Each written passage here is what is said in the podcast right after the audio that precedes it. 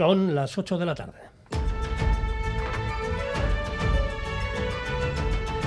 Crónica de Euskadi.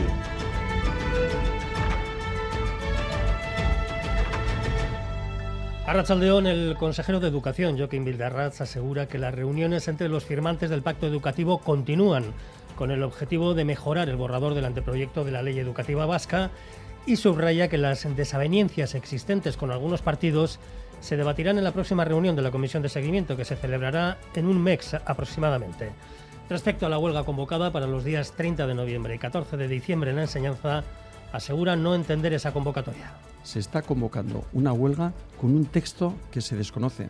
Yo la pregunta que realizaría sería ante cualquier convocante, bueno, ¿y ante qué texto están ustedes convocando esta huelga cuando ni yo mismo, el consejero, no sabe en estos momentos el texto que vamos a elevar a Consejo de Gobierno?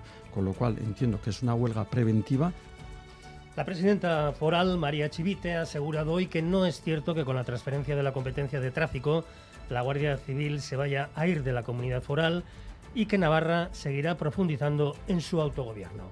Enseguida les contamos esas y otras noticias de este sábado 26 de noviembre.